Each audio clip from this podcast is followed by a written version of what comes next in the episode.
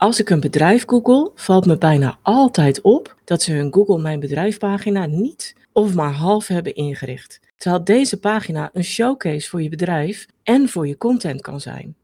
In deze aflevering hoor je hoe je dat simpel voor elkaar krijgt.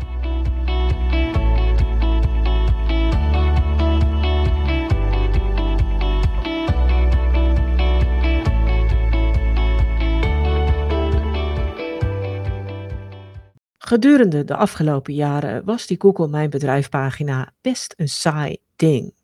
Je kon er niet zo heel veel mee en daardoor vulden de meeste bedrijven alleen maar het hoognodige in en lieten het verder voor wat het was. En je kon toen ook al artikelen plaatsen op je Google Mijn Bedrijf pagina, maar die waren maar zeven dagen zichtbaar en daarna verdwenen ze weer. En hoewel dit een langere zichtbaarheid is dan de gemiddelde social media post, merkte ik dat een hoop ondernemers, bedrijven dat toch niet zagen zitten. Van ja, waar doe ik dan die moeite voor?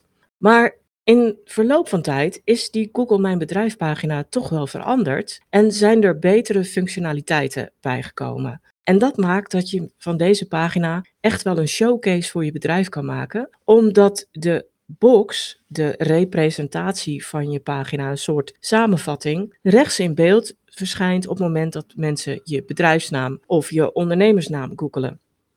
En dat betekent dat dat meteen een hele goede aanvullende indruk is op je website, die hopelijk bovenaan in de zoekresultaten staat. Het is bovendien visueel. En dat betekent dat je die dingen echt heel goed kunt benutten. En als je je Google Mijn Bedrijf pagina net even beter inricht dan alleen maar die basics, dan kun je daar een hele leuke showcase voor je bedrijf en voor je content van maken. En dat begint met een paar hele simpele stappen. Allereerst je infosectie. Wat ik daar zie is dat mensen dat of niet invullen of maar heel kort invullen, een super basic, maar één zin. Maar je hebt daar 750 karakters. En de eerste 200 à 220 karakters zijn ook direct zichtbaar. En op het moment dat mensen dan op meer klikken, dan komt de rest in beeld. Dus daar kun je een hele goede samenvatting geven van de waarde die je bedrijf biedt. Met in die eerste 200 karakters de kern en liefst een beetje een cliffhanger, waardoor mensen wel op die lees meer gaan klikken. Wat kun je daar doen? Nou, je kunt daar vertellen wat je doet en bijvoorbeeld je branche benoemen of een categorie of een ander label dat mensen herkennen. Je kunt in die samenvatting ook je kerndiensten vermelden. En je kunt er natuurlijk ook een belofte doen. Je kunt het ook alle drie doen als je heel kort en bondig kunt schrijven. En zo niet, dan huur je daar een hele goede tekstschrijver voor in. Die je boodschap saneert tot een pakkend verhaal. Wat in die 200 karakters, dan wel 750 karakters past. Op een hele goede manier. Zodat mensen echt denken van, oh wauw, dat is interessant. Het tweede wat je kunt doen is een achtergrondfoto plaatsen. En je moet eigenlijk een representatief beeld van je bedrijf geven. Op mobiel is het ook de afbeelding die mensen direct zien. Op desktop zien mensen wel meerdere foto's. Nou, omdat de meeste mensen toch mobiel surfen en googelen, raad ik je aan om het beeld representatief te maken voor mobiel en heel herkenbaar. Dus op het moment dat mensen daar een afbeelding zien, is het fijn als ze die bijvoorbeeld ook zien als ze doorklikken naar je website. Dat betekent vaak dat je toch een kenmerkende foto van je homepage neemt. Maar je kunt er meer mee doen, want je kunt in het midden van die afbeelding net een paar woorden tekst aangeven die de extra interesse wekken. Die tekst is wel een uitdaging, want je moet je beperken. Je moet een groot font nemen van 32, 36 pixels of misschien zelfs nog groter. Dat betekent dat je maar 2, 3, 4, misschien 5 woorden hebt om een kernbelofte te doen. Zet die in het midden van die afbeelding. Hou hem een beetje in het midden, qua, zowel qua hoogte als uh, links en rechts, en een goede ruimte. Zodat mensen meteen ook die tekst kunnen zien en alweer een extra stukje informatie krijgen over je bedrijf. Dan de artikelen, want dan komen we bij je echte content uit. In het dashboard van je Mijn Bedrijf pagina heten ze posts, maar het zijn in feite artikelen zoals je die ook op je website hebt. Dus je kunt heel goed steeds je meest recente blog daar plaatsen.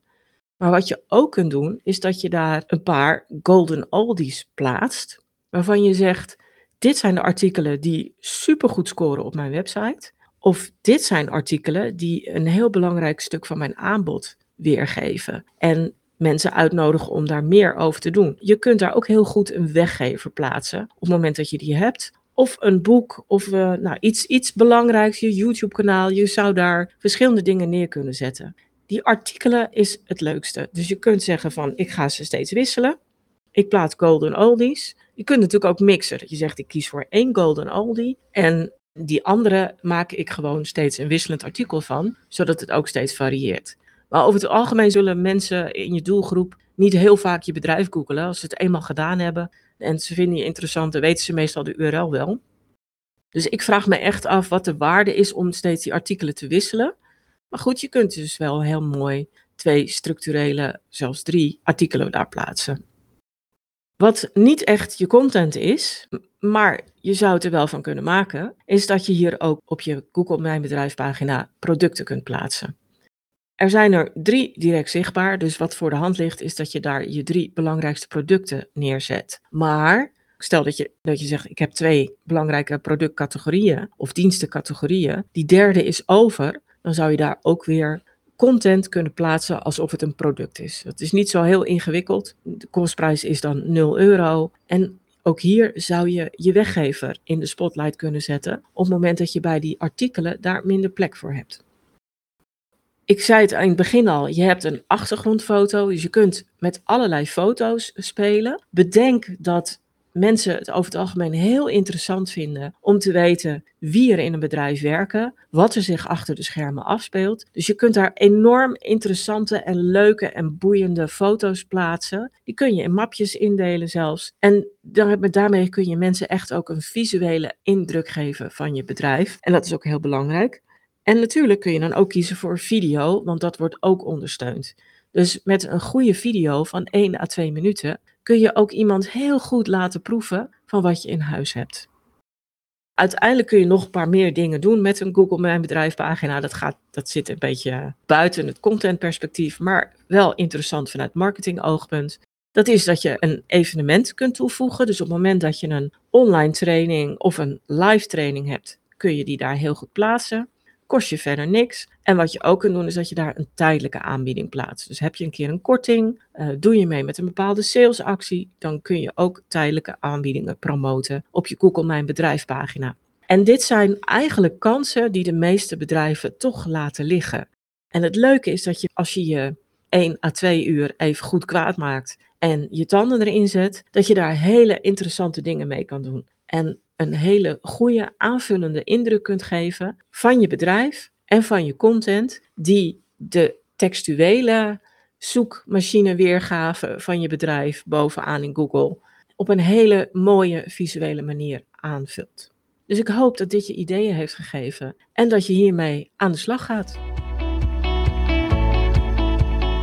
Dankjewel voor het luisteren.